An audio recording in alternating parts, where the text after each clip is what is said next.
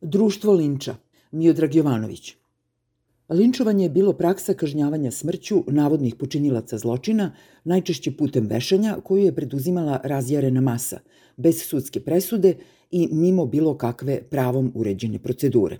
U Sjedinjenim državama je linčovanje u velikoj meri bilo rasno motivisano i kao takvo se zadržalo sve do druge polovine 20. veka. Prvo na što pomislimo kada govorimo o linčovanju kao pravdi gnevne gomile jeste da je ono krajnja suprotnost pravnoj državi.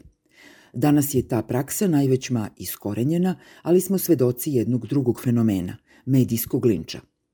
On predstavlja javni progon pojedinca ili organizacije preko tradicionalnih sredstava informisanja i savremenih društvenih mreža bilo zbog nekog ličnog svojstva, na primjer etničke pripadnosti, seksualnog opredeljenja i tako dalje, ili zbog izraženog mišljenja i političkog uverenja.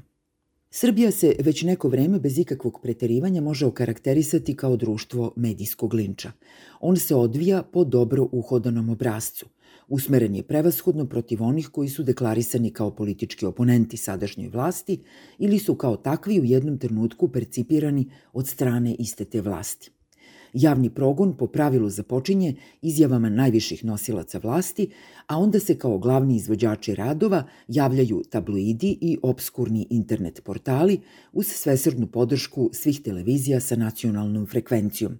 Matrica progona varira od slučaja do slučaja, ali se u osnovi sastoji od kontinuiranog baratanja tvrdnjama sa potencijalno krivično pravnim implikacijama koje kao takve nisu potvrđene u zakonom predviđenom postupku.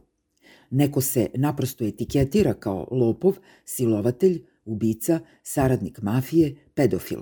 Sve dok se ta kvalifikacija u dovoljnoj meri ne prilepi za tu osobu.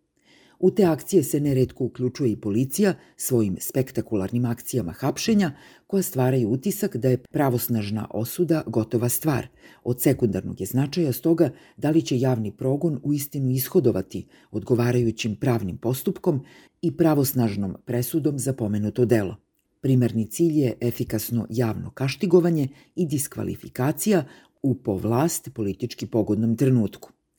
Stoga je centralna karakteristika svih slučajeva medijskog linča gaženje temeljnih ustavnih prava i sloboda i zakonskih procedura povreda pretpostavke nevinosti i drugih krivično-pravno procesnih prava progonjenih lica, nezakonito manipulisanje podacima iz istrage, povreda prava na privatnost i tajnost sredstava komuniciranja, povreda prava na jednaku pravnu zaštitu.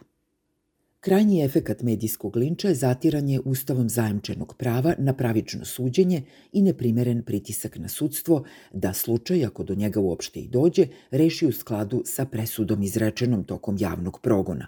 Možete u političkom i svakom drugom smislu misliti šta god hoćete o Draganu Đilasu. Može vam Slaviša Kokeza biti i ovakav i onakav.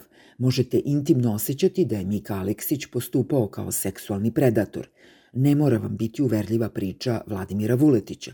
U civilizovanom društvu, zasnovanom na vladavini prava, krivica, odgovornost i osuda su na državnim organima, a ne na medijskoj rulji. U svom čuvenom govoru iz 1909. godine linčovanje naš nacionalni zločin, poznata novinarka i aktivistkinja Ida Bell Wells je zaključila da pošto se razmotre sve strategije suočavanja sa tim zločinom, na posledku se nameće samo jedan zaključak. Jedini siguran lek je pozivanje na pravo. Postupanje po unapred propisanim pravilima i procedurama je to što društvo vladavine prava razdvaja od društva linča. Pravo je to koje sutra treba da zaštiti i same medijske progonitelje, koji naivno veruju da se uloge nikada neće promeniti. U pomalo netipičnom westernu Heng Dem Hai iz 1968. godine, u napetoj sceni u kojoj se sprema linč trojice momaka uhvaćenih u krađi stoke, šerif Jed Cooper, Clint Eastwood, opravdava takav postupak i uverava sudiju Fentona, Peta Hingla, da suđenje nije potrebno, jer bi na posledku ti momci svejedno bili mrtvi kao i da su linčovani. Na tomu sudija odgovara – Da, svejedno bi bili mrtvi, ali ne bi bili linčovani, već bi bili osuđeni.